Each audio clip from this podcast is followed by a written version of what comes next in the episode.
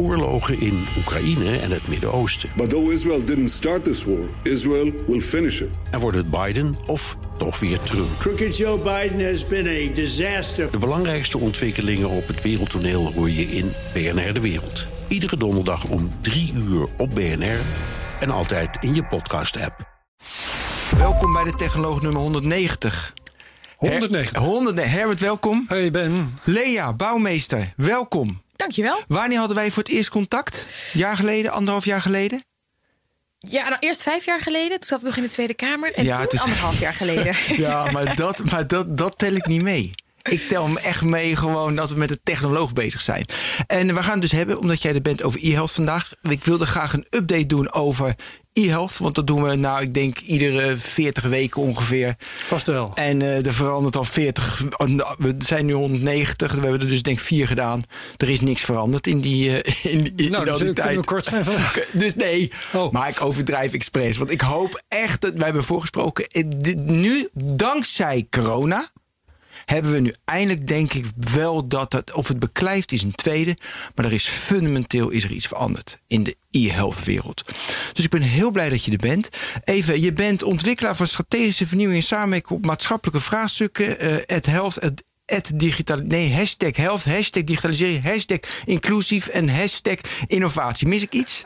Nee, helemaal compleet. Nee, maar misschien wilde je nog iets zeggen, want wat doe je allemaal? Je zit bij, eh, bij de IC- ICT en health, nou, dat soort dingen.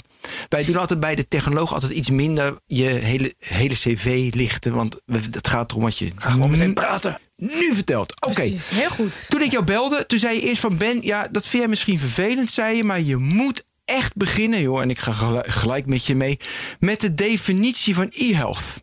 Toen denk ik van ja, iedere luisteraar weet toch wel de definitie van e-health. Voor mij is het alle digitale middelen die je gebruikt om preventief en ook curatief de, dat je mensen beter maakt, dat je daar digitale middelen voor gebruikt. luisteraar eh, heeft zo'n definitie, maar ze zijn allemaal anders. Oh, en nu gaat Lea, Lea? Ga, jij, ga jij de definitie... De standaard zetten. De standaard zetten. Dit schept verwachtingen. Ja. Nou, wat het vooral is, er wordt soms wel eens gedaan alsof digitale zorg iets is voor buitenaardse wezens, wat gevaarlijk is, waar je ver weg van moet blijven.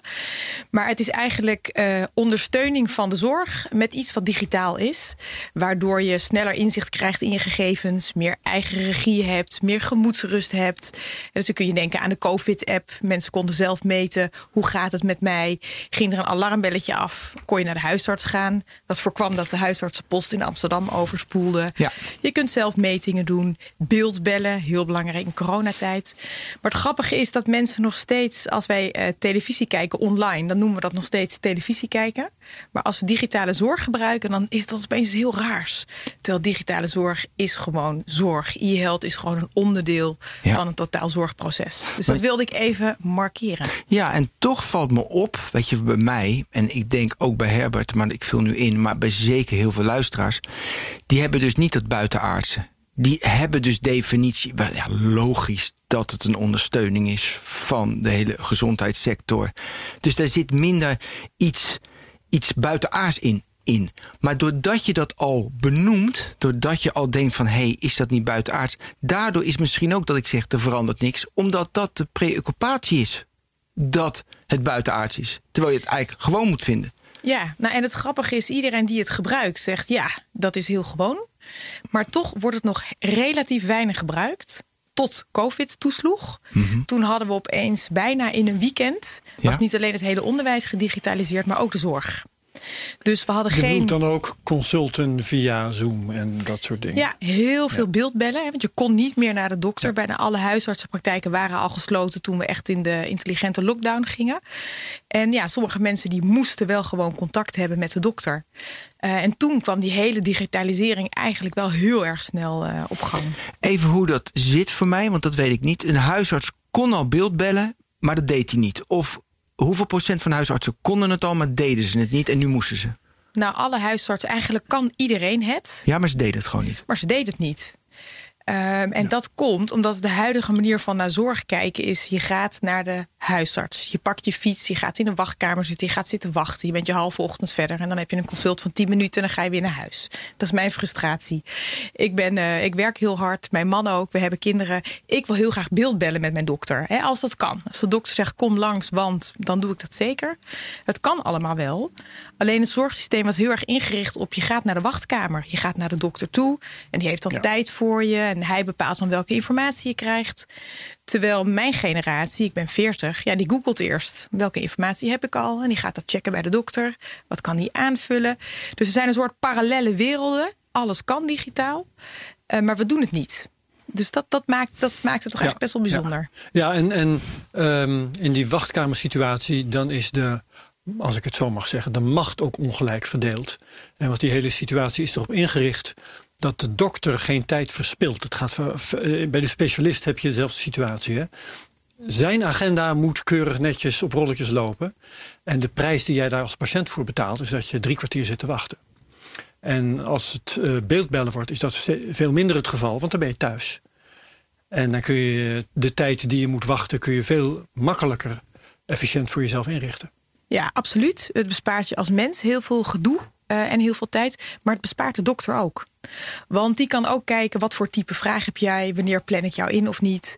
Uh, een consult kan veel korter duren, misschien wat langer. Dus een dokter zelf is ook veel meer flexibel. Ja. Maar het mooie van wat je zegt is uh, de positie van de patiënt. Dus digitalisering van de zorg betekent niet alleen beeldbellen, maar ook bijvoorbeeld dat je inzicht hebt in jouw dossier. Ja, jouw data. Precies. En dan ga ik er even vanuit dat er dan in begrijpelijke mensentaal iets wordt opgeschreven. Dat is nog even dat is nog wel een dingetje. Maar als dat dan zo is, dan heeft niet alleen de dokter zijn dossier waar die in klikt, maar je kunt ook zelf kijken. Of je kunt zeggen, joh, ik vertrouw uh, mijn buurvrouw heel erg, die kijkt even met mij mee. Dus het democratiseert de zorg. Nou, als je dat dan uh, combineert met allerlei informatiebronnen die al digitaal zijn, wel betrouwbaar graag. Dan kun je goed geïnformeerd naar de dokter. Dan kun je ook nadenken over welke vragen heb ik. Dan kan de dokter daarop reageren. Dus krijg je een heel ander gesprek. Krijg je veel meer een gelijkwaardige dialoog. Um, waarbij natuurlijk altijd wel geldt bij digitale zorg. Je moet wel digitaal vaardig zijn. Ja. Dus je moet weten welke informatie, hoe werken de knoppen, waar moet ik op letten. Dat is natuurlijk wel echt een rand Uh, en ik, ik, ben altijd heel erg op zoek naar, um, of op zoek, uh, heel erg op mijn hoede Um, of er ook dingen zijn die worden verkocht als uh, nou ja, oude wijn en nieuwe zakken. Uh, en dan denk ik al heel snel aan dat beeldbellen. Um, waar ja, uh, de telefoon hadden we al. En het enige verschil tussen beeldbellen en telefoneren is dat je een beetje naar mekaars portret zit te kijken. Maar toch sprak ik een tijdje geleden een huisarts, was niet eens mijn eigen huisarts, maar een, een huisarts die zei van nou ja, telefonisch consult vind ik niks. Maar beeldbellen, dat vind ik eigenlijk wel belangrijk kun je, want ik, ik ben vergeten wat het argument was. Ik kan dat wel ongeveer reconstrueren, maar ik wil het jou eigenlijk graag vragen. Kun je uitleggen waarom beeldbellen uh, goed genoeg is als telefonisch bellen dat niet is? Nou, bij beeldbellen zie je iemand. Ja, dus je kunt, hè, stel je voor iemand heeft ergens iets, dat kan die in beeld brengen, letterlijk en figuurlijk. Maar je, ja, ziet je ook kunt iemand... zelfs een, een, plekje op je huid laten zien, bijvoorbeeld. Ja, ja. ja, dat kan al helemaal. Dan kunnen ze kijken van is het een moedervlek bijvoorbeeld waar iets mee gedaan moet worden of niet. Maar een dokter kan je ook zien. Die ziet uh, de kleur van je huid, die ziet de uitdrukking op je gezicht, die ziet de vermoeidheid of niet in je ogen. En dat maakt wel dat je beter in kunt schatten uh, hoe gaat het nou echt met iemand. Dus de verschil tussen bellen en beeldbellen is wel heel erg groot. In de GGZ zeggen ze vaak, soms zijn het hele kwetsbare mensen. Um, een deel daarvan wil veel liever zorg vanuit huis. Dus in zijn vertrouwde omgeving zitten, op zijn bank, met een poes op schoot. Maar dan zie je meteen een stukje van hoe iemand werkelijk is. En zij zeggen, wij krijgen daardoor ook informatie die wij nooit ja, hadden. Blijkbaar komt door de poes die... bijvoorbeeld. Ja, precies. Nou, dus dat is weer hartstikke interessant. Mm -hmm. Dat als je niet altijd iemand naar jouw toch wel kille spreekkamer laat komen... maar af en toe bij iemand aan huis komt... wat ook nog eens kan op het moment dat het een patiënt uitkomt... Ja. dat voegt echt waarde toe in het leven van mensen. En uiteindelijk is dat de omslag die je wil hebben in de zorg. Dus niet ik ga leveren wat ik kan leveren... maar hoe zorgen we nou dat dat digitale ook bijdraagt aan de kwaliteit van leven en dat ze beter kunnen functioneren? Ja, heel veel vragen poppen op en nu moet ik ze allemaal onthouden. De eerste is, uh, die artsen dus, uh, dus beeldbellen door corona moest het. Was het meer dat de patiënt niet wilde of omdat de arts niet wilde? Om beeldbellen? Ehm, nou ja, kijk, de arts die wilde misschien wel, maar de omstandigheden maakten dat het niet gebeurde. He, dus er waren geen artsen die zeiden: ik doe het per definitie niet. Maar de- Sommige, maar in principe is het systeem bepaald een beetje dat het gewoon niet gebeurde. Maar de vergoeding en zo zit allemaal goed, hè? Die 10 minuten beeldbellen Nou, of ja, dat zit wel goed. Ja? Er zijn wel een andere prikkels, maar even nog terug naar Ja? je eerste vraag. Voor een deel werd het gewoon niet aangeboden. En als het niet aangeboden wordt, gaat een patiënt Nee. er niet om vragen. En als je het wel vraagt, die beide handtementen zoals, zoals ik, dan zei die huisarts: Ja, dat heb ik allemaal niet. Het is allemaal, eh, nee, dit eh, heb ik niet. Punt. Ja, en dan moet je van huisarts wisselen of zo. En ja, je komt nooit bij de huisarts. Dus ik dacht, nou, laat maar. Zo gaat het dan een Nou beetje. ja, plus die, eh, die IT-systemen die die huisartsen hebben. Dat is natuurlijk ook allemaal droevig. Gewoon in Ja. ziekenhuizen, als je kijkt. Nee, dat is echt. Dat is de, de, met de systemen die ze moeten werken, de, de artsen, de benijd ik ze niet. En misschien is mijn standaard te hoog. Maar dat is, de, de, de gebruiksvriendelijkheid laat soms toch nog wat te wensen als het over. gaat om beeldbellen, dan kan dat toch met elke laptop. Ja, maar dan moet weer special security zal het zijn. En dan hebben ze weer allemaal. Nee, ze gaan niet gewoon met Teams. Neem ik uit. Weet, weet ik trouwens niet. Maar nee, gewoon, ze werken niet met teams. Het is Nee. wel hoog beveiligd en dat is maar goed ook. Ja, uiteraard. Eh, maar de systemen waar ze mee werken, dat is ook een keuze. Dus er is ergens in het proces iemand die heeft bedacht: dit is het systeem waar we mee gaan werken. Daar zit vaak al een bottleneck. En het tweede is, als je met een nieuw systeem werkt, hoeveel tijd krijgen mensen dan om het systeem rustig tot zich te nemen? Dus ik sprak een keer een dokter die zei, die gingen over op zo'n eh, patiëntendossier in het ziekenhuis, of zo'n eh, systeem in het ziekenhuis. Ik zal de naam niet noemen. En die zei, ja, ik moest dat van mijn bestuur. Ik vond het allemaal stom. En toen was ik zo boos. Toen heb ik gezegd, ik neem drie dagen wil ik vrij, want dan wil ik dat systeem, cursussysteem krijgen. En hij zei, ik kreeg het. Ik vond het fantastisch. Ik was meteen verkocht.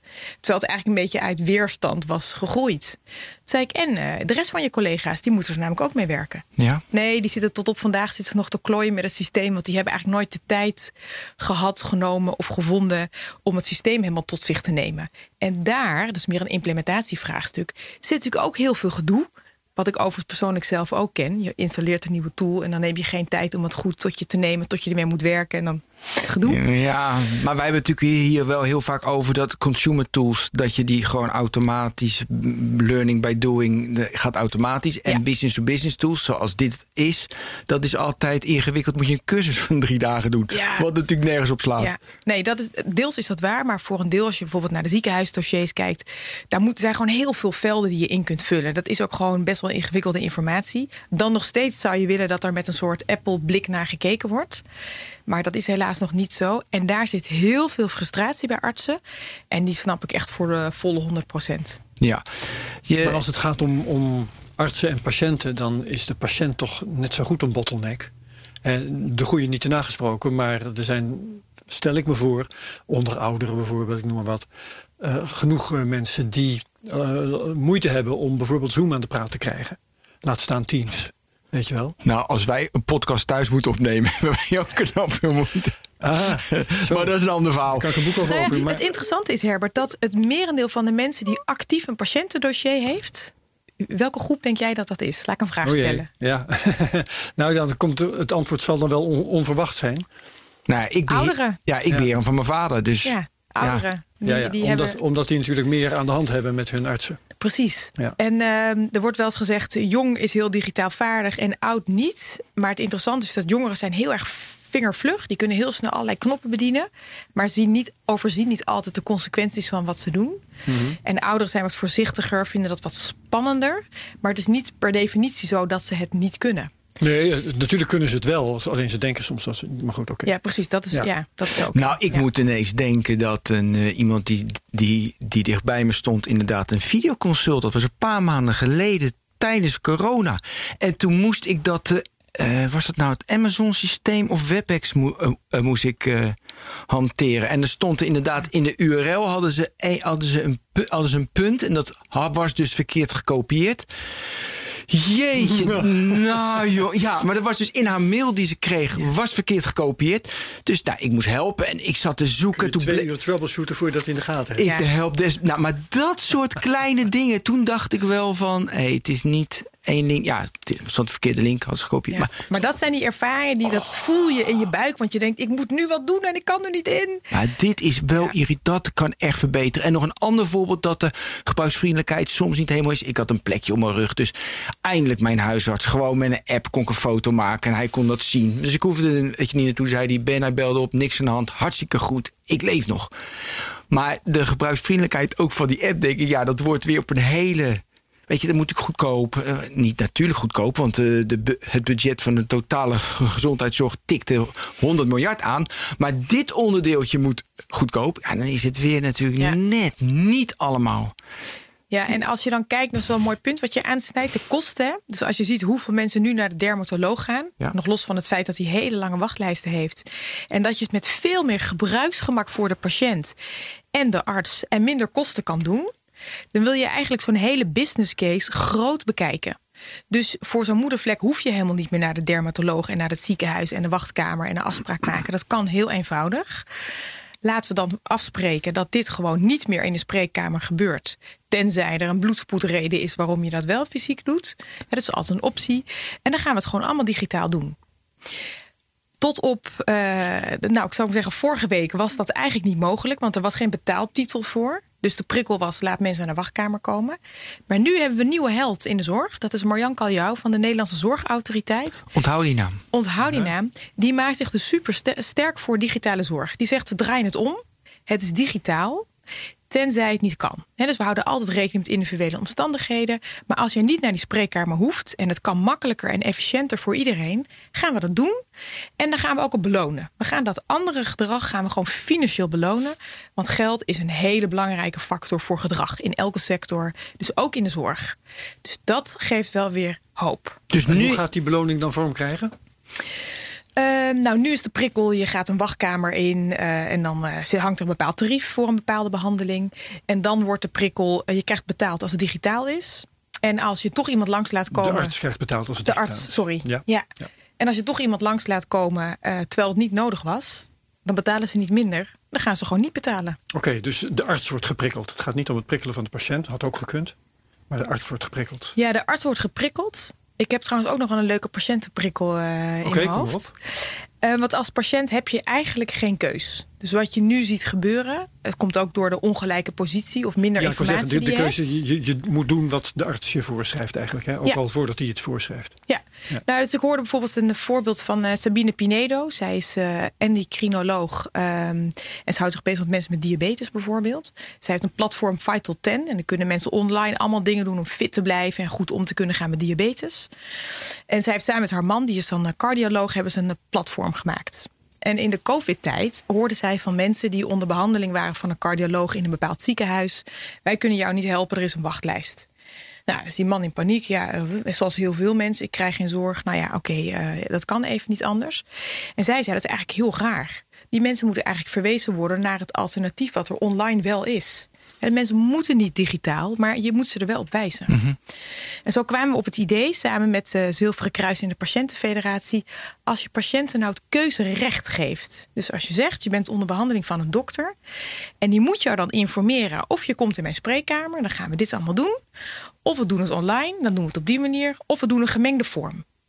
Dan geef je patiënten dus actief informatie, waardoor ze er ook actief om kunnen vragen. En dan bied je het zelf aan.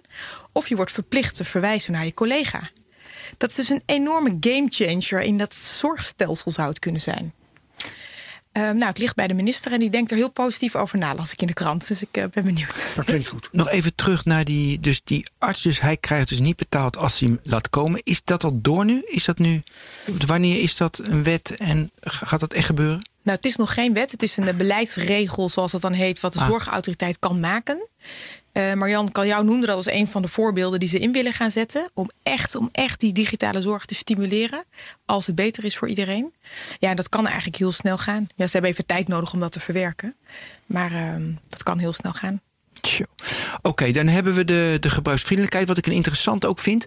Moet ook nog, wat jij zei, ik dus nu heel erg van de arts, de gezondheidszorg weet het. En dat is, dus het is heel erg, die hebben een aanbod en dan ben ik ziek en dan ga ik daar naartoe. Maar het moet veel meer vanuit de patiënt komen. Waar heb ik behoefte aan? En daar past de gezondheidszorg zich aan aan. Toch? Dat moet ja. omdraaien, naar mijn idee. Zeker. kun je iets meer vertellen over... wordt die transitie inderdaad gemaakt? Van aanbod gestuurd naar vraag gestuurd? Of valt dat tegen? En waar zie jij nog mogelijkheden dat het meer gebeurt? Nou, we zitten nu echt op een heel spannend moment. Want door COVID was er heel veel digitaal en was er ineens een transitie in een hele korte tijd. Dus dat is echt een heel groot compliment aan de zorg. Het kan gewoon. Het kan. Ja, mag ik even dat. Nee, sorry, je mag zo je verhaal afmaken. Maar ik moet, Ja. ik moet even een ergernis vertellen. Oké, en daarna hebben we nog een host read. Oh ja, dan moet, laten we dat eerst even doen. dat eerst doen? Even tussendoor. Wij zijn heel slecht in reads.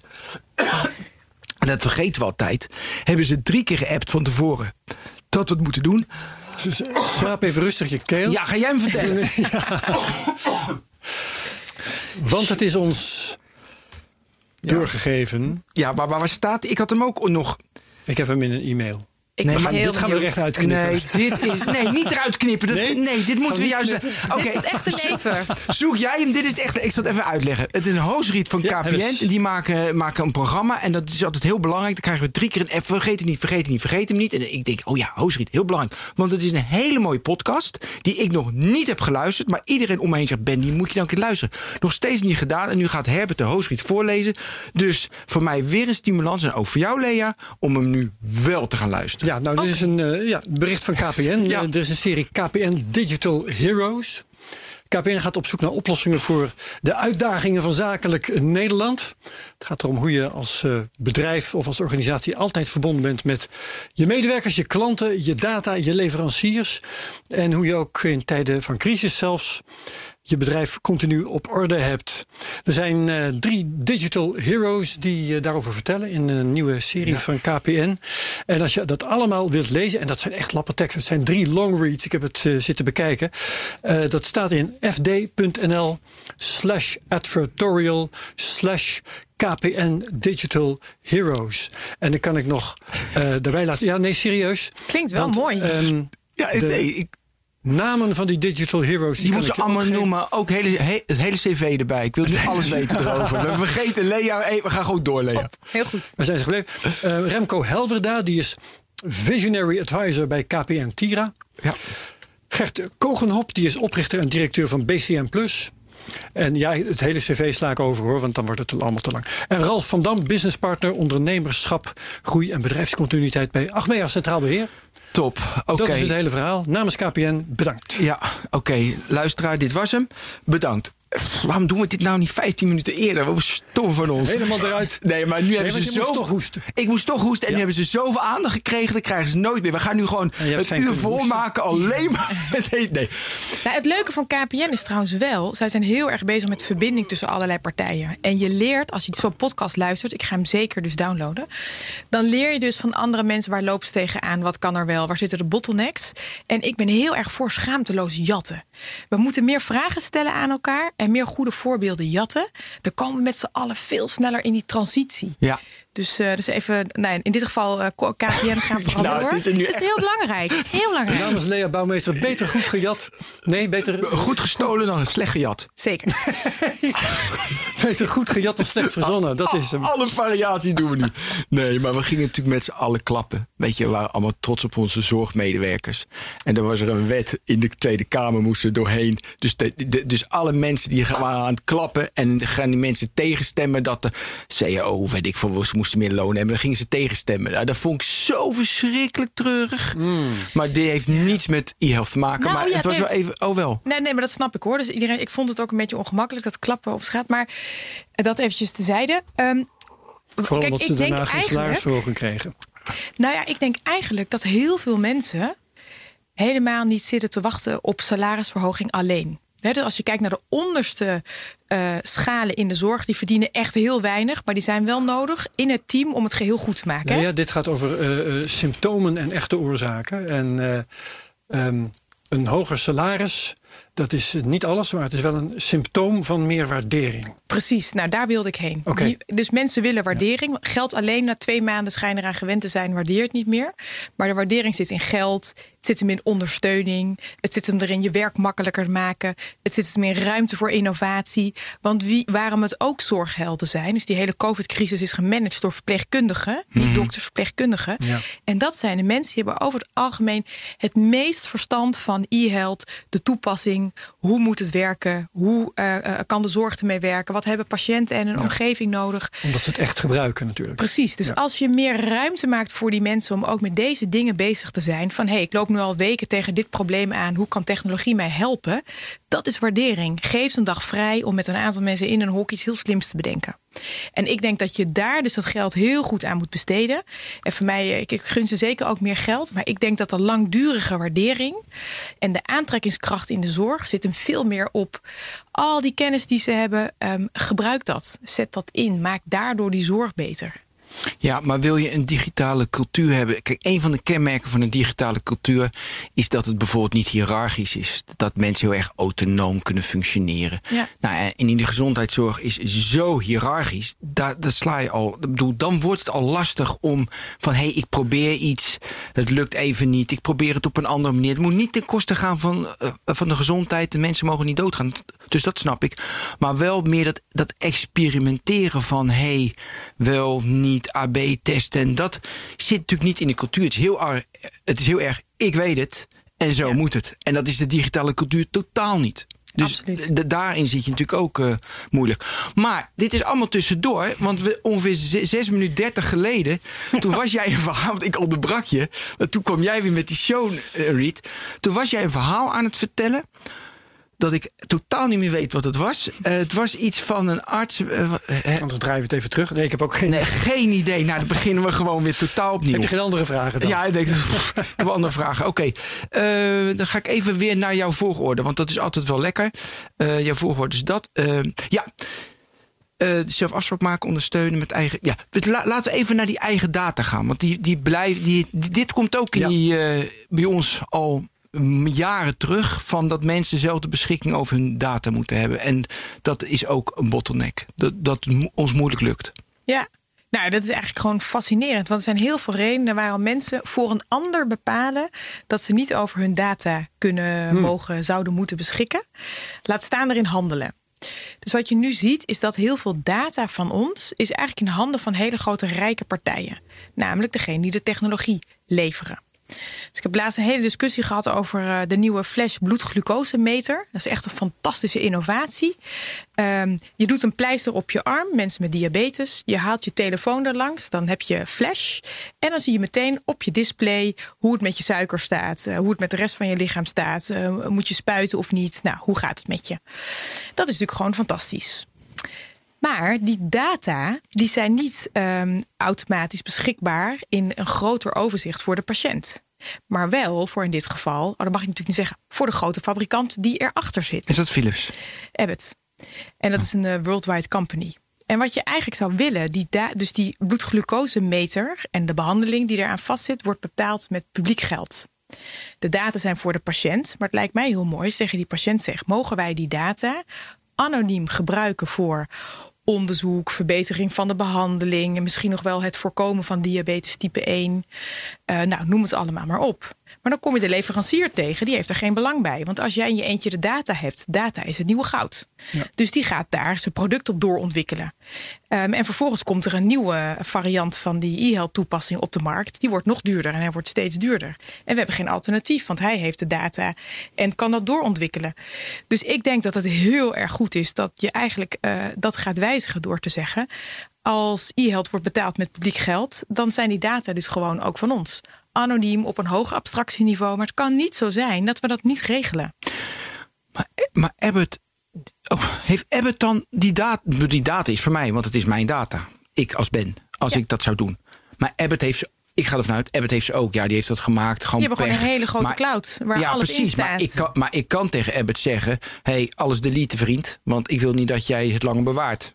Is Toch? dat zo? Nou, Ja, gewoon. dat, eh, ja, ja, ik, ja, is dat zo? Ja, ik denk Nou, AVG. Formeel heb je de AVG, maar omdat Ja. het een medical device is, dan Ah. heb je nu de Medical Device Regulation, die gaat ook over dit soort dingen. Ehm, kunnen ze niet zomaar alles wissen. Want ze hebben ook productinformatie nodig. En ze hebben vier uh, subcontracten gemaakt. Waardoor het dan weer um, zo opgeknipt is, die informatie, dat ze eigenlijk niet helemaal aan de intentie van de wet uh, voldoen. Wow. Dus het is heel. Het is heel Superboeiend dit. Ja. Ja, dus Abbott heeft het. Ze kunnen niet aan de wet voldoen. Dus, ze, dus zij gaan het product verder ontwikkelen. Dat doen ze natuurlijk anoniem. En volgens, weet je dat ik niet herleidbaar ben. Volgens AVG, nou perfect. Oké, okay, dat accepteer ik dan nog dat zij dat hebben. Dat is goed. Maar ik heb er ook beschikking tot, want ja, het is mijn data. Nou. Precies, jij hebt wel je eigen data, hè, want die zie je op je telefoon ja. bijvoorbeeld. Maar als jij bijvoorbeeld zegt, ik wil, uh, ik wil mezelf vergelijken met... of je kunt ook heel veel met die data doen, ja, ook ja, van andere mensen... dan wil je dat die data, anoniem op een hoog abstractieniveau... Uh, uh, inzichtelijk is. Zodat je onderzoek kunt doen naar mensen met vergelijkbare omstandigheden, leef, leeftijd, uh, bloedglucose spiegeling, ja, maar, het allemaal maar op. Maar dan zeg ik in mijn dashboard, wat dus nog steeds niet zo is, waar wij al vier jaar op wachten, is dat ik zeg van oké, okay, dat ziekenhuis dat moet onderzoek doen. Ik geef toestemming voor mijn data. En met deze vrienden wil ik het vergelijken. Ik geef aan dat bedrijf die mooie grafiekjes maakt, die vergelijkt. Ik vertrouw dat bedrijf. Ik ja. geef het ook daaraan. Dus, en ik zie wanneer ze wat hebben bekeken, waardoor ik die controle houd. Toch? Nou, dat, dat zou heel mooi zijn als je dat kan doen. Dat is ook wel leuk, de datacoöperatie die ze in Amsterdam uh, willen starten. Dat is ook zo'n mooi voorbeeld. Dat is van onder andere de Amsterdam Economic Board. Jeroen Maas is daarmee bezig. Die heeft gezegd, ook een beetje volgens mij als teaser... Uh, we gaan een beurshandel beginnen. En dat doen, noemen we Amdex. Dus de, de, de, de handel in data. En dan mag iedereen als een gezondheidsdata opeisen van de AVG. Die zet je daar in een kluisje.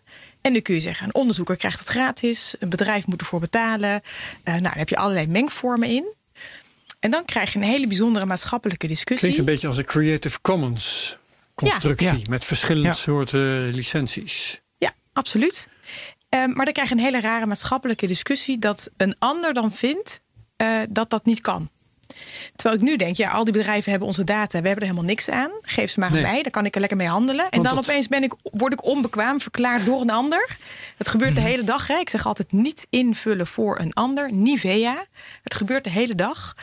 Ja, maar wat nou als? Ja, dan denk ik, ja, maar nu zijn het bedrijven die ermee handelen. Ja. Dus laat en, mij en lekker zelf wat Ben net terloops noemde, een, een dashboard waarin ik al mijn medische gegevens tegenkom, bij welk ziekenhuis ze ook zijn ontstaan en met welk apparaat ook. Zoiets is er toch nog helemaal niet, tenminste. Nee, nee, nee. Niet dat nee, ik nee. weet. Nee, je hebt, dus je hebt je persoonlijk Dus patiëntendossier, begin- kan je inkijken, maar daar staat ook weer Ja, niet alles de, in De allereerste stap die nodig zou zijn om tot zo'n Creative Commons, eh, noemde ik het dan net, eh, zo'n eh, handeltje in data te komen, die, die is er nog niet eens. Nee, want je hebt nog geen toegang onbeperkt tot, Tot je data. data. Je hebt nog Ja. geen datakluisje waarvan je zegt: ik geef jou het sleuteltje en jou het sleuteltje en dit mag je eruit halen. Dat Hoe is er veranderen nog we niet. Ja, dat is een hele goede vraag. Maar, wa- wat was je vraag? Hoe we de situatie veranderen dat, dit, dat Ja, dat dashboard wel, er nog ja. niet is. Nou ja, omdat we er al vier jaar naar vragen. Weet je, ik vind het zo gek. Het is logisch dat het komt, maar er is iets dat dus tegenhoudt. En de vraag is aan jou, wat houdt het tegen? Nou ja, kijk, ik weet niet helemaal precies wat het tegenhoudt. Ik heb wel ideeën over hoe je het op kan lossen. Prima. Eh, want blijkbaar is het heel ingewikkeld, hè? want anders was het al eh, Ja, opgelost. mag ik eerst proberen die eerste eh, vraag te beantwoorden? Wat houdt het tegen? Ik denk twee dingen: standaardisatie en belangen. Kan dat? Dat zeker. Ja. Ja, nee, dat absoluut. Dat absoluut. En nou zeg jij, ook al weet ik dat niet, eh, kan het toch oplossen? dat nou ja, dat is ook interessant, hè? Ja, Maar wat je nu ziet aan de achterkant van het vraagstuk, zie je dat grote bedrijven de data hebben. ja. En die grote bedrijven, dus eh, van al die e-health toepassingen, die worden betaald uit het verzekerd pakket. Dus bepaalde, dus zo'n bloedglucosemeter wordt betaald vanuit het verzekerd pakket, dat is ons premiegeld. Daar kun je gewoon een voorwaarde aan hangen. Je kunt gewoon zeggen als zorginstituut, een belangrijk instituut, die toetst: eh, is het goed, is het kwalitatief goed, past het in de zorgprocessen? Dan krijgen ze een stempel en vervolgens in sommige gevallen gaat de NZA dan de prijs bepalen. Maar het zorginstituut kan gewoon zeggen: Nou, je komt in het verzekerd pakket onder voorwaarde dat je die data gaat delen. En als je dat niet doet, kom je niet in het verzekerd pakket, word je niet vergoed, mag je naar een ander land gaan. Dus dat, dat lijkt me echt iets om nader uit te zoeken.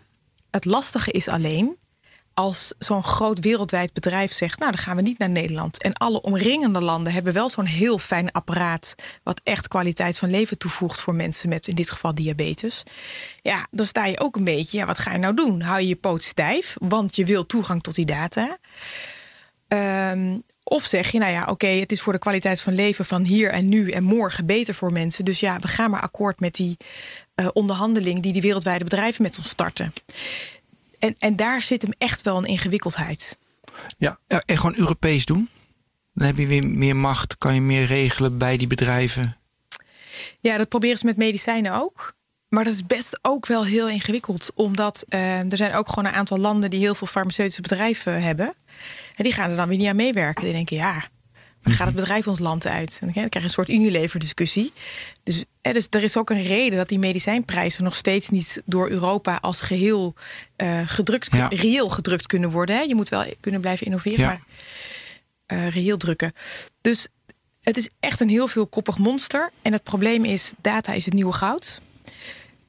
Dus je hoopt toch echt dat daar op korte termijn um, stevige slagen in gemaakt worden. Je zegt een paar keer data is het nieuwe goud, terwijl ik de laatste half jaar, een jaar steeds meer richtingen of geluiden hoor van juist privacy is het nieuwe goud. Juist helemaal niet daarop zitten. Nou ja, weet je, denk alleen aan onze publieke omroep. Weet je, die, die, weet je, die willen geen cookies niet. Die willen juist geen privacy data. Denk alleen aan wat Apple zegt van wij zijn het meest privacy. Uh, weet je, privacy staat voor ons voorop.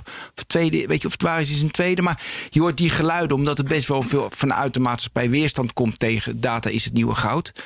Dus ik, ik, ik weet dat het zo is natuurlijk. Maar hoe kijk je naar die, die tegengeluiden van, van straks helemaal niet? Je hebt het nodig om te ontwikkelen. Dus dat is het dilemma natuurlijk. De paradox die je.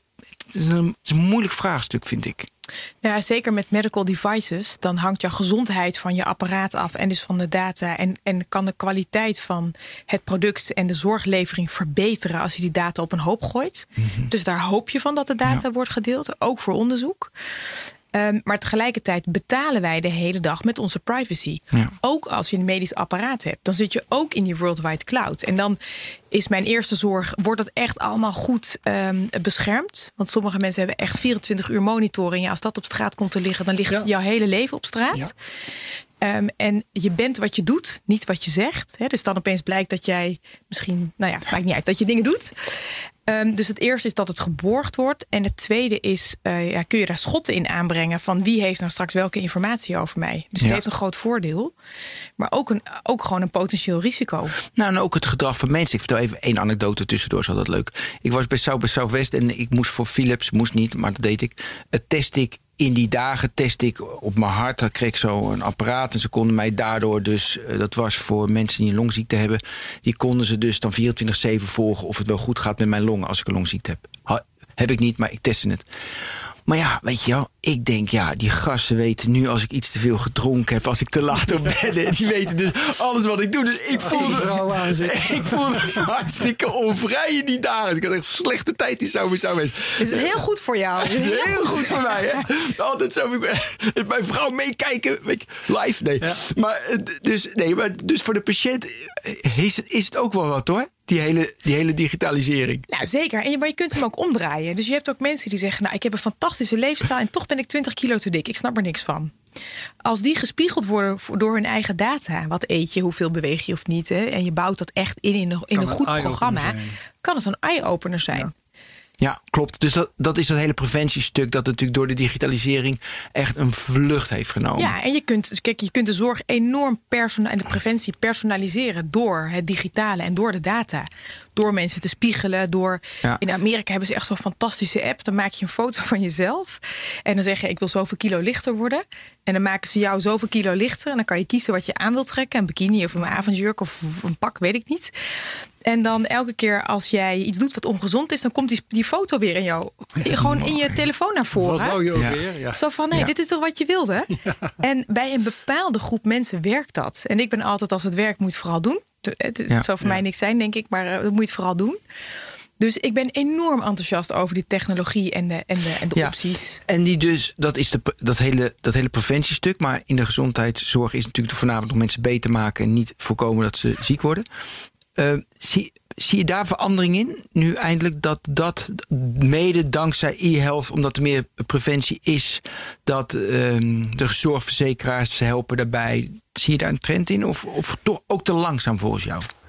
Nou, je ziet wel een trend dat ze wel eh, twee dingen. Je ziet een heel langzaam een transformatie gaande naar minder zorg. Ja, we zitten altijd aan de achterkant als je al zorg nodig hebt. En meer zelf doen, meer eigen regie, uh, meer doen wat jij zelf kunt. En dat heeft natuurlijk twee belangrijke redenen. Eén, we, we hebben gewoon het geld is op. we gaan naar de 100 miljoen. Ik bedoel, niemand wil meer premie miljard, betalen. Miljard. Een miljard? Ja, het is ongelooflijk. 100 miljard. En niemand wil meer premie betalen. Dus dan kun je op zich zeggen, ja, dan raakt het geld op. En het tweede is, er zijn gewoon geen mensen meer straks om de zorg te leveren. Straks moet ik geloof inmiddels één op de acht uh, mensen in de zorg gaan werken. Ja, dat kan natuurlijk helemaal niet. Het kan niet. Ja. Dus, en we weten hoeveel we kunnen, aan preventie kunnen doen. Precies. Ook nog eens een keer. Dus je weet wat je, je moet veel meer naar de voorkant, maar dan wel heel erg gepersonaliseerd kijken. Wie is iemand? Wat is zijn gewenste kwaliteit van leven? En hoe kun je daarbij ondersteunen? dus ik ga niet opeens zeggen iedereen moet dit of moet dat, want dat werkt toch niet. Dus ga je veel meer aan minder zorg doen en veel meer zelf doen. Niet omdat ik daar zo voor ben, maar omdat het gewoon niet anders kan straks. Dus je moet nu die technologie veel meer in laten bedden. Ja. Die bewustwording zit hem bij zorgverzekeraars. Um, die dat veel meer stimuleren en ook allerlei platforms creëren en start-ups uh, medefinancieren. Dat zit hem ook bij het Zorginstituut. Die gaan over uh, wat vergoeden we vanuit het verzekerd pakket. Die hebben allemaal sandbox-modellen. Dat zit hem bij de NZA. Die zegt we gaan gewoon keihard prikkelen op het anders organiseren van de zorg. Ja, wat je nog zou willen is als je volgend jaar een nieuw regeerakkoord hebt, dat het er gewoon super strak in komt te staan. Van dames en heren, iedereen vindt meer handen aan het bed. Maar A, de vraag is: willen mensen dat? Dus hoe graag wil jij eigenlijk naar het ziekenhuis? Of wil je de gemoedsrust als je iets nodig hebt, dat je ondersteund wordt om te krijgen wat dat is? En we Mhm. bepalen wel allemaal dat het de wijkverpleegkundige is, maar misschien wordt iemand wel veel blijer ergens anders van. Uh, als ik één anekdote mag vertellen over de gehandicapte uh, uit de gehandicapte Sure. sector. Als je maar heel goed is. Hij is echt. Ga ervoor zitten. Dames en heren, hier komt hij. Het gaat over mijn grote vriendin Vie. Vie is een robot. Uh, die is van Philadelphia. En haar, uh, haar echte moeder is uh, Xenia Kuiper. Die is een absolute robot-expert.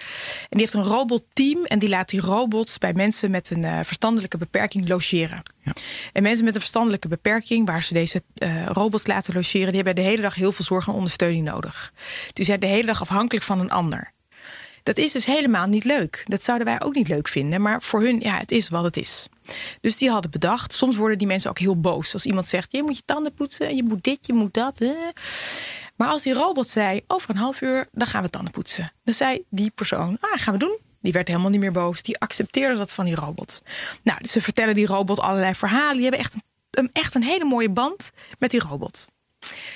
Nou zijn er mensen die uh, daar iets van vinden en voelen. En die zeggen, ja, dat kan niet, want het is onethisch en zo. Maar toen die robot wegging, gingen die mensen huilen. Die wilden geen begeleider terug, weer iemand met een oordeel die zei wat ze moesten doen. Die worden heel blij en rustig van die robot in huis. Dus als je nou stopt met het invullen voor een ander en je kijkt naar wie ben jij en helpt het jou, en onder welke veilige omstandigheden kunnen we dit doen? Ja. Zullen we dan gewoon even doen wat nodig is bij die mensen en wat Ja, aan hun kwaliteit helpt. van leven bijdraagt? En dan wordt technologie eigenlijk eh, heel sociaal. Namelijk, we gaan de behoeften en als mensen het uit kunnen spreken, de vraag van mensen beantwoorden. En niet meer, wij vinden dat er weer iemand moet komen die. Ja, jou, maar dat is van aanbod naar vraag natuurlijk, waar we het over hebben. Precies. En die transitie zie je bijvoorbeeld in de gehandicapte sector zie je, eh, zie je komen. Maar goed, in Nederland hebben we dan eh, in totaal eh, 300 robots. Waarvan er ook nog een deel in de vensterbank ligt. Want je moet echt leren om ermee te werken. Dus eh, innovatie in de zorg, dat is altijd voor 80% sociale innovatie. En voor 20% is het techniek. Ja. Techniek is niet zo spannend. Hoe ga je ermee om?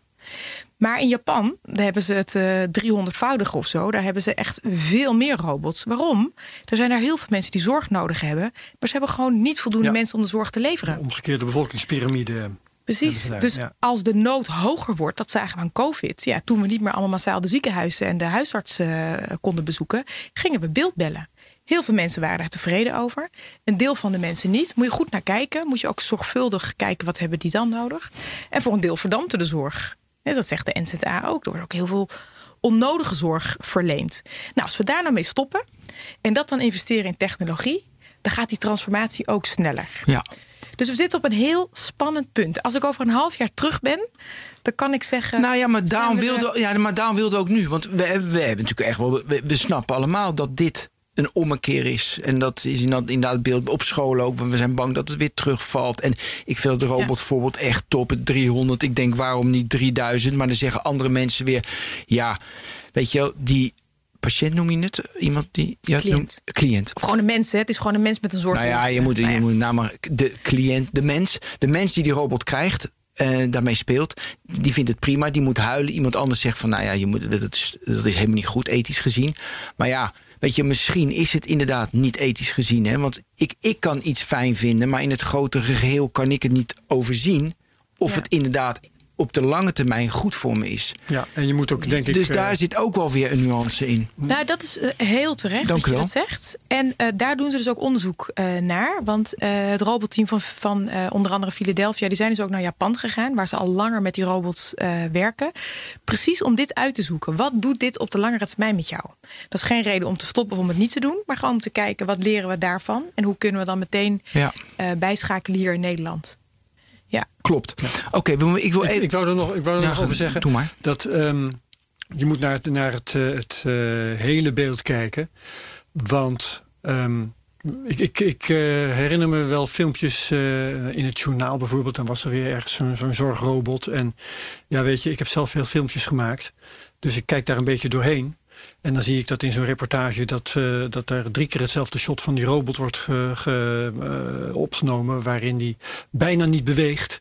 En dan krijg ik de sterke verdenking dat die hele robot eigenlijk helemaal niks deed. En ehm, dan hebben ze, zijn ze er net in geslaagd om een of andere bejaarde eh, te laten zeggen dat hij. Ja, ik vind het wel leuk, zo'n robot. Weet je wel.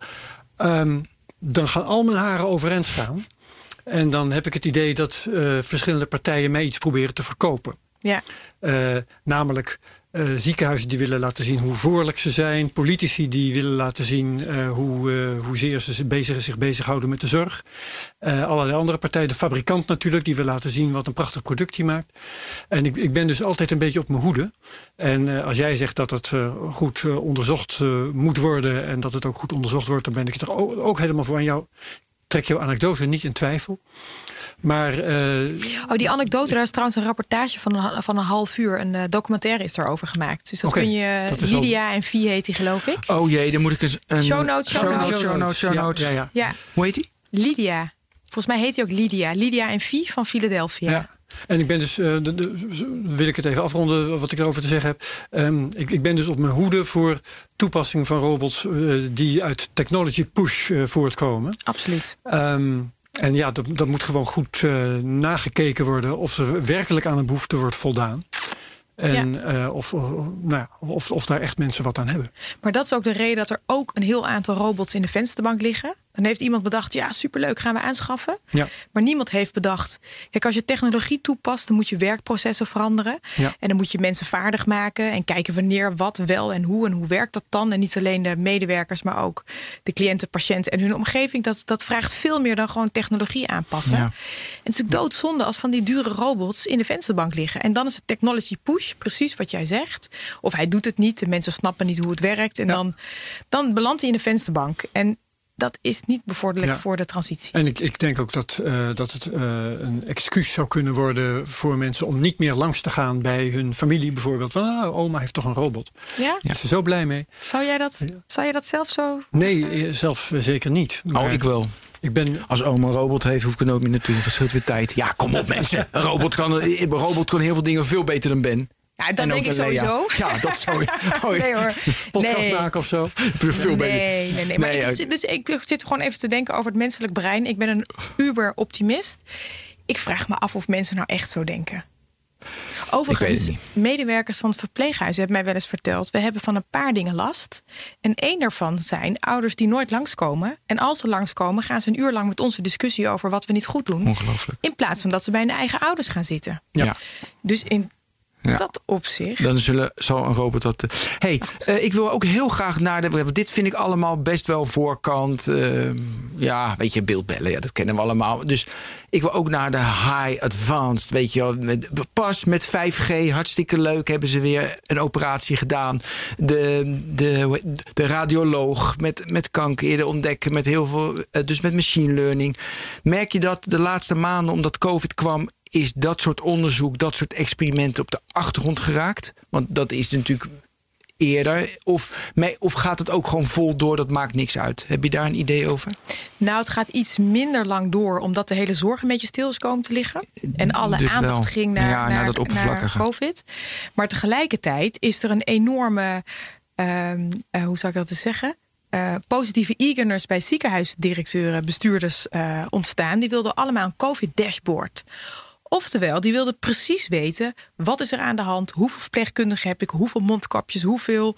En die wilden die COVID-app en de COVID-box. Dus dat is een box die mensen meekrijgen naar huis met een aantal digitale dingen, waar je dan eh, je longfunctie mee kan meten en een paar andere dingen. Dat sluit je aan op je computer en dan kan je vanaf thuis gemonitord worden.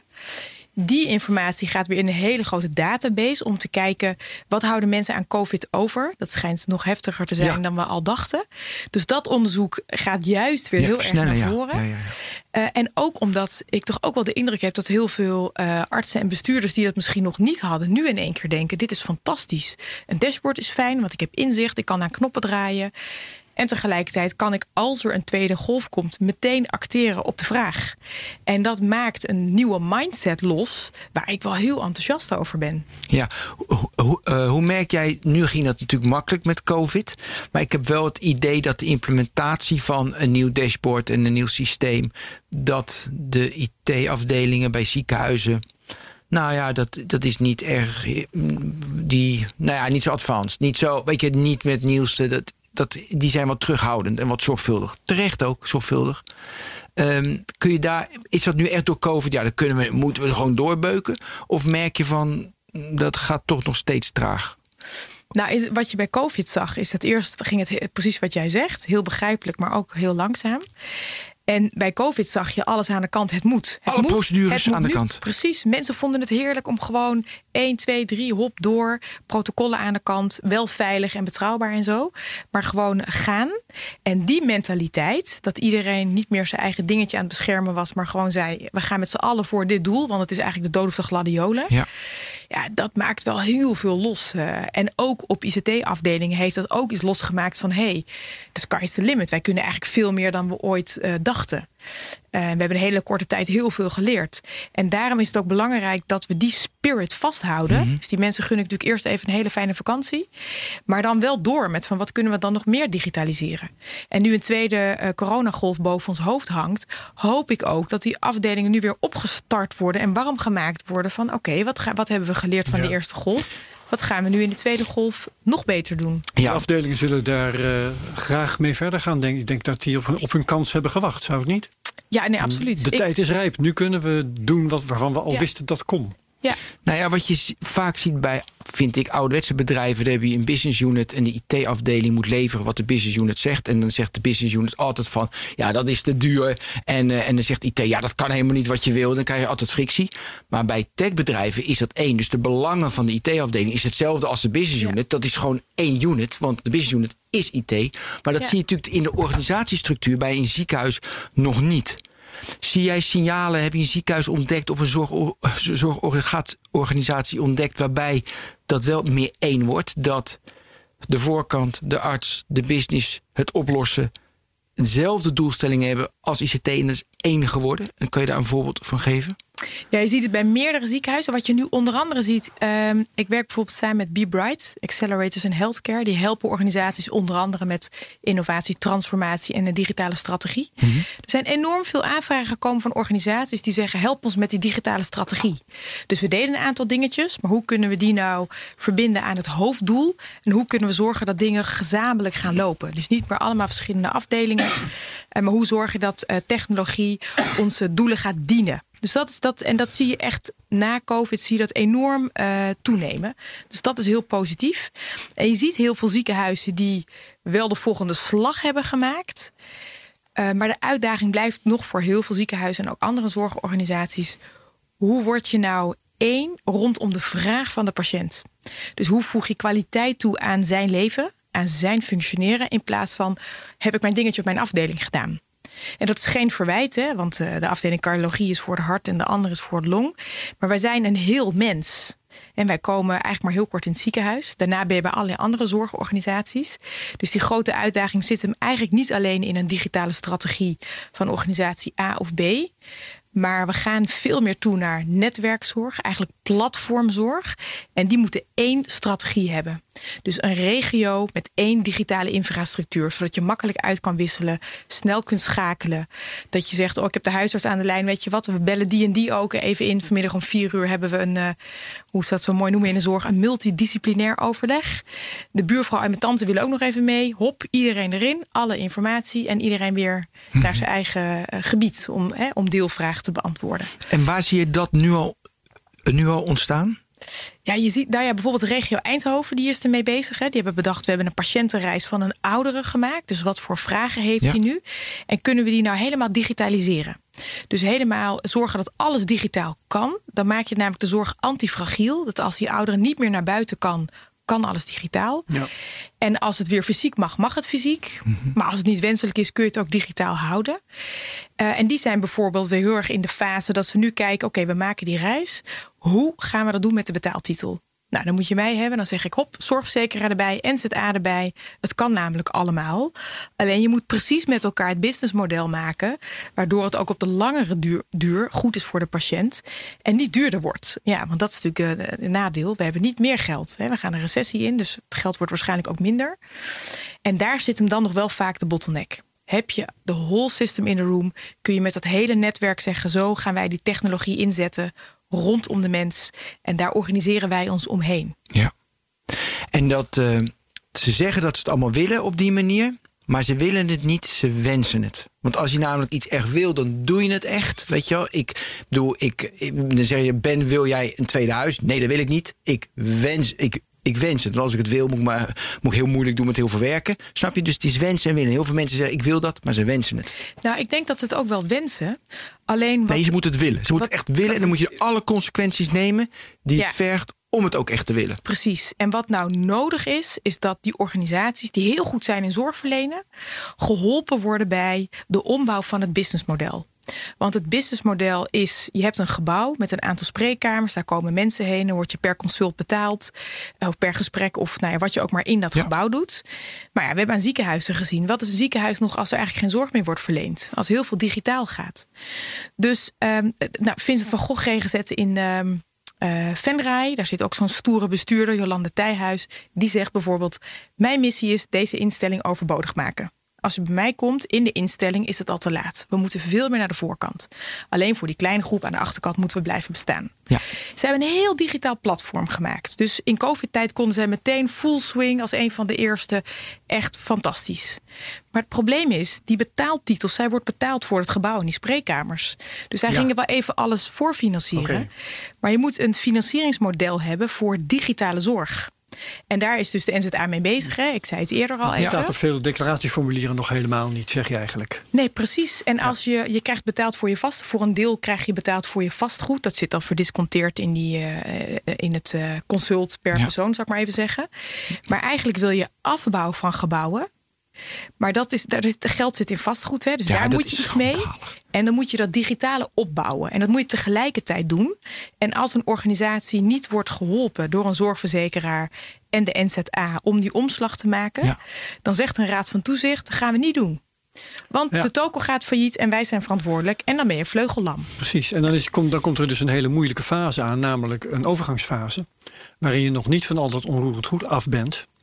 Maar Ja. al wel ehm, serieus moet gaan uitgeven aan digitaal verleende consulten. Terwijl de kosten voor de hardware doorlopen. Precies. De real Ja. estate. Precies. En een ander mooi voorbeeld is eh, Zorg Spectrum eh, in Maar hoe, Utrecht. hoe, hoe los je dat op? Ja. Nou ja, wat je dus nodig hebt, dat zijn eh, dappere bestuurders die zeggen: we gaan het doen. We zien wat we moeten doen. We weten, we weten dat we een of andere trektocht gaan met elkaar. Ja. We weten niet waar we uitkomen. We weten wel dat we hulp nodig hebben. Dus ik noemde net Jolande Tijhuis. Vivian Broeks is ook zo'n type van Zorg Spectrum. Die gaat dan samenwerken met het Antonius Ziekenhuis. Die zegt we moeten veel meer in netwerken kijken. En ook digitaal, wat kunnen we samen doen? En die zijn zo slim, daar komt hij weer. Stel de vraag heel hard, hè, gooi hem in de ether. Hoe kunnen we geholpen worden met dat nieuwe financieringsmodel? Ja. En dan heb je ook gewoon zorgverzekeraars alle grote vier heb ik erover gesproken. Die zeggen allemaal: wij willen meedenken. En wij willen naar een langjarig contract. Maar we moeten gewoon heel goed met elkaar uitdokteren. Hoe bouw je vastgoed af en hoe bouw je digitaal op? Dat is echt door COVID is dat helemaal het nieuwe vraagstuk geworden. Ja, ja. En, en wordt het dan acceptabel, ik noem maar even dwars, iets wat mij te binnen schiet, dat zorginstellingen die op een gegeven moment ruimte over hebben, dat die dat, dat gaan verhuren aan start-ups of iets dergelijks, of eh, tot appartementen verbouwen, ik noem maar een paar wilde dingen? Ja, nee, leuk. Ik ben altijd voor wilde dingen. nee, maar dat kun je dus met dat vastgoed doen, hè? Dus je kunt daar. En wat dan. Sterker, je zult wel moeten. eh, als je het niet Ja. meer gebruikt, dan moet je zorgen dat het gebruikt wordt op een manier die toch geld oplevert. Ja, nou, en dat maakt ook dat zo'n vraagstuk van grote zorgorganisaties niet iets is van de zorgorganisatie op zich, maar iets voor dat netwerk. Dus die zorgorganisatie zit in een regio en die regio heeft 100.000 vragen. Eén daarvan is misschien studentenwoningen, ouderhuisvesting, eh kleine start-ups, eh, leerunits, nou, noem het allemaal maar op. Ja. Dus je moet ook met die regio veel meer naar die vraag gaan kijken. Ja. En dan komen dingen samen. En ik, ik vind jouw suggestie eh, heel goed daarin. Hier is er nog één. Als, ehm, Herbert helemaal los. als huisartsen minder consulten fysiek moeten gaan geven aan hun patiënten, misschien is het dan wel minder belangrijk dat ze in eh, de buurt zitten, in de wijk zitten. Misschien kunnen ze dan wel in het ziekenhuis gaan zitten. Nou, fantastisch. Gewoon iemand, ja, iemand uit India. Nou, dat Nee, gaat wel heel ver. ik noem hem expres. Ja, nee, maar ik Ja, noem ik hem nu expres. Schitterend, eh, ja. Ik Ja. heb je er al eerder over gehoord, maar maak hem maar. Nee, nou ja, nee, maar goed, ik denk aan Amazon. Ik weet niet of ik, of ik jou dat vertel, maar ik denk aan Amazon. Bedoel, Ja. ja. weet je, als jij. De, de- kijk. eh, Als we de Mechanical Turk, daar gaan we tegenwoordig ja, met nee, maar goed, weet je, dan maak je een onderzoek. Of je een oogarts hebt uit Nederland of uit Roemenië of uit. Ja, dat is allemaal, allemaal een commodity geworden. Ja. Je ziet het al in de tandartsenbranche. Kijk, wil jij nou, en dat is, dat is ook. Kijk, ben je heel goed in kronen maken? Ja, joh, dan verdien je 150.000. Is zo heel veel, maar goed, je verdient 150.000 euro per jaar.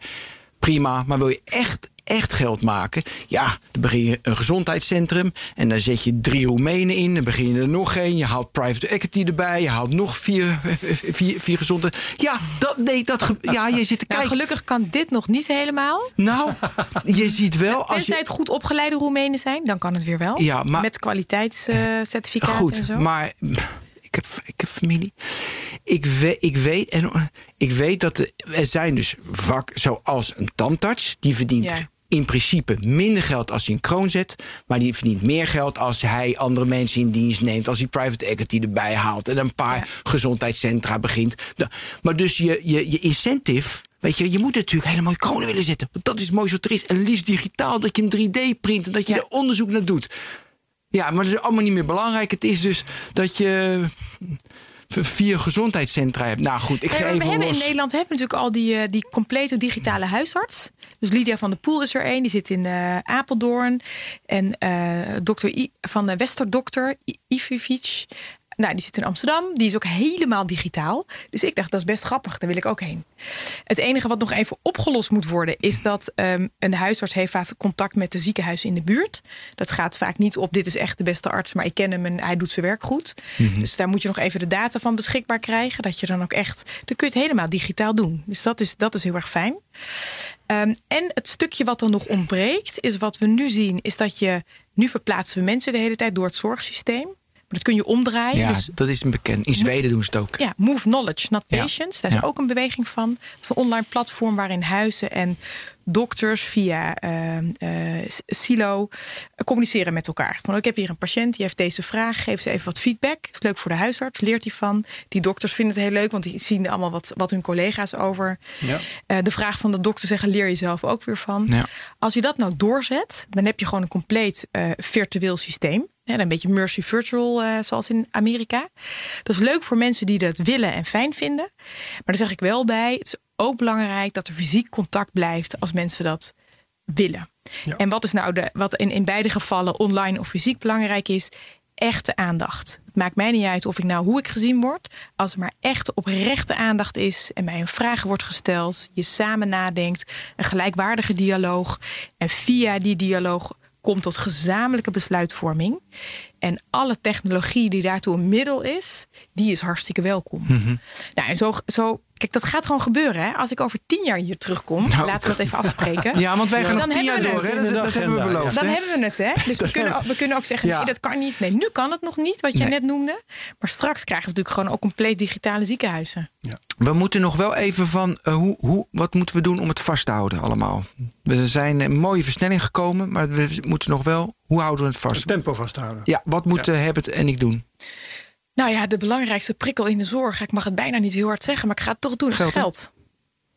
Oké.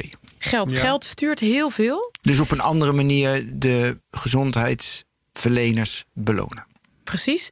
En ondersteunen. En ondersteunen. En ondersteunen zoals ze digitaal kunnen. Zodat je veel meer stuurt vanuit werkplezier. Want anders hebben we überhaupt geen mensen meer in de zorg. En wie houdt dat nu tegen? Want die gaan we nu keihard besje. ja, weet je, Nou ik ben zo zat dat het zo lang duurt. Ja, nou, het punt is, er is niet één iemand die je tegenhoudt. Dan besje we de, iedereen die dat tegenhoudt. Maar het is, nou ja, het is bijna een soort van. ehm, dat, dat iedereen kan wijzen naar een ander. En met elkaar hebben we dit systeem. Wij zijn, alle, wij zijn het systeem. Ja. En iedereen heeft een stukje van de puzzel in handen om het goed te doen. En je hebt gewoon een paar helden nodig die zeggen: en nu gaat het anders. Dus ik noemde al de NZA, heel belangrijk. Eh, bij, de, bij het Zorginstituut zijn ze nu ook bezig. Hè? Dus dat is de eerste stap om je zorgproduct vergoed te krijgen. Dan ga je naar het Zorginstituut. Die kijken allemaal of het bewezen is en of het effectief is. Die hebben zo'n sandbox-model. Daar is eh Teresa Cardoso is daarmee bezig. Dus dat zijn trouwens allemaal vrouwen die ik noem. Ja, maar, Ja, dat, ik snap ook waarom. Er zijn ook goede mannen, maar dus die, die zijn daar ook mee bezig. We hebben nu een nieuwe minister van Zorg, Tamara van Ark. Spijt me, maar het is ook een onwijs goede vrouw. Die ook inziet van we moeten die zorg gaan transformeren. Minder zorg, meer zelf, meer digitaal. Want dan blijft het ook voor iedereen beschikbaar. Ja. Los van de mening, dat is het wel. Als mensen nou minder meningen hebben, maar gewoon kijken naar de feiten. Het geld is op, tenzij mensen 300 euro premie per maand willen betalen. En belangrijker nog, we hebben geen personeel. Ja. Maar het kan wel digitaal. Hoe helpen we mensen dan om, dat, om die combinatie van fysieke en digitale zorg mogelijk te maken? Wow. Herbert, jij nog? Nee, leeg. Ja. Oké. En vol met, eh, met kennis. en Ja, zo. En, eh, eh, eh, Lea Bouwmeester, hartelijk bedankt dat je er was. Dat je ons inzicht hebt willen geven in e-health op dit moment in Nederland. Wij hopen dat alle voorspellingen en alles wat je wenst en wil... dat dat ook inderdaad over tien jaar is bereikt. Als we, nou ik denk, ik hoop eerder. Maar goed, jij zei tien jaar hebben we het zeker bereikt. Ik denk inderdaad dat we een, een stap hebben gemaakt de afgelopen tijd. Maar je moet het allemaal nog zien. En jij hebt een hele belangrijke taak om dit mogelijk te maken. En ik, ik zou af en toe contact met je zoeken en gewoon eisen dat je ook die dat we verder komen. Want anders ja, schiet het gewoon niet op. Want die 100 miljard, ja, een mens moet er gezonder worden. We hebben 100 miljard en dan moeten we de meest gezonde samenleving van, van de wereld worden. Dat is eigenlijk de doelstelling. Met 100 miljard. Of dat lukt. Goed. Goh, nou, dit was de technoloog. ehm, nummer 190. en ga allemaal een rondje hardlopen in het kader van de preventie. Of wandelen, Het is zo Met die simpel. podcast op je Ja, maar je het is zo simpel. Weet je, nee, ik, zou, ik heb, ik heb even tussendoor, dat mag nog wel even. Weer opnieuw. Nee, nee. Ik heb een podcastserie gewaard, Sportzaken. En, dan, en, Oh ja, ja. En, even, nee, er zitten leuke afleveringen bij. Maar ik wil even vertellen dit. Kijk, je, iedereen weet hè, als we vanaf nu 10% meer mensen een half uur per dag laten bewegen. Dan weet iedereen over 10 of 20 jaar, dan bespaar je minimaal 10 miljard. Weet je wel? No-brainer. Dat, dat is uit alle onderzoeken blijkt dat. Geef nu, oké, over 10 jaar heb je 10 miljard bespaard. Dan geef je 1 miljard, geef je het om te stimuleren. 10% want als alles misgaat. 10 ge- geef je dus 1 miljard aan de stimulering dat mensen een half uur per dag lopen. Heb je in principe 9 miljard bespaard. Dit is een heel simpel idee. Nee, maar dit, dit soort dingen. Weet je, simpel. Ja. En, en dan ga je natuurlijk al met al die. waar jij mee te maken hebt met de NZA. en met al die verenigingen. En dan, oh, dan kom je weer in een. Nee, maar dit is de preventiekant. Hè. Daar heb je geen zorg, die trouwens heel goed is, maar daar heb je Ja. geen zorgautoriteit voor nodig. Het is gewoon helemaal naar de voorkant toe. Ja. En het zit hem niet zozeer alleen in geld, of het is ook niet onwil van mensen, maar het zit hem erin. Hoe motiveer ik jou om iets te doen waar je geen zin in hebt? Dan moet ik me dus, net zoals Netflix, extreem gaan interesseren in jou. Ja. Wat what makes you tick? En dat is je ticket naar, oké, eh, hoe kun je dan eh, met digitale hulp gezond blijven. aan preventie doen? Ja. Oké, nou laten we nu maar stoppen, anders gaan we nog even door. Dit was 190. Veel plezier, mensen, allemaal. En tot ziens.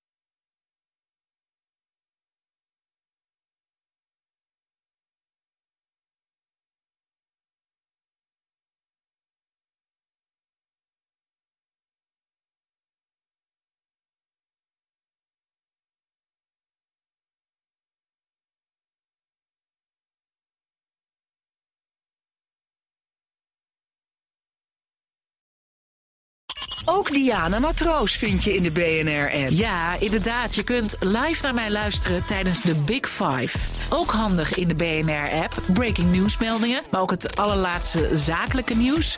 En je vindt in de app alle BNR-podcasts, waaronder Wetenschap Vandaag. Download nu de gratis BNR-app en blijf scherp.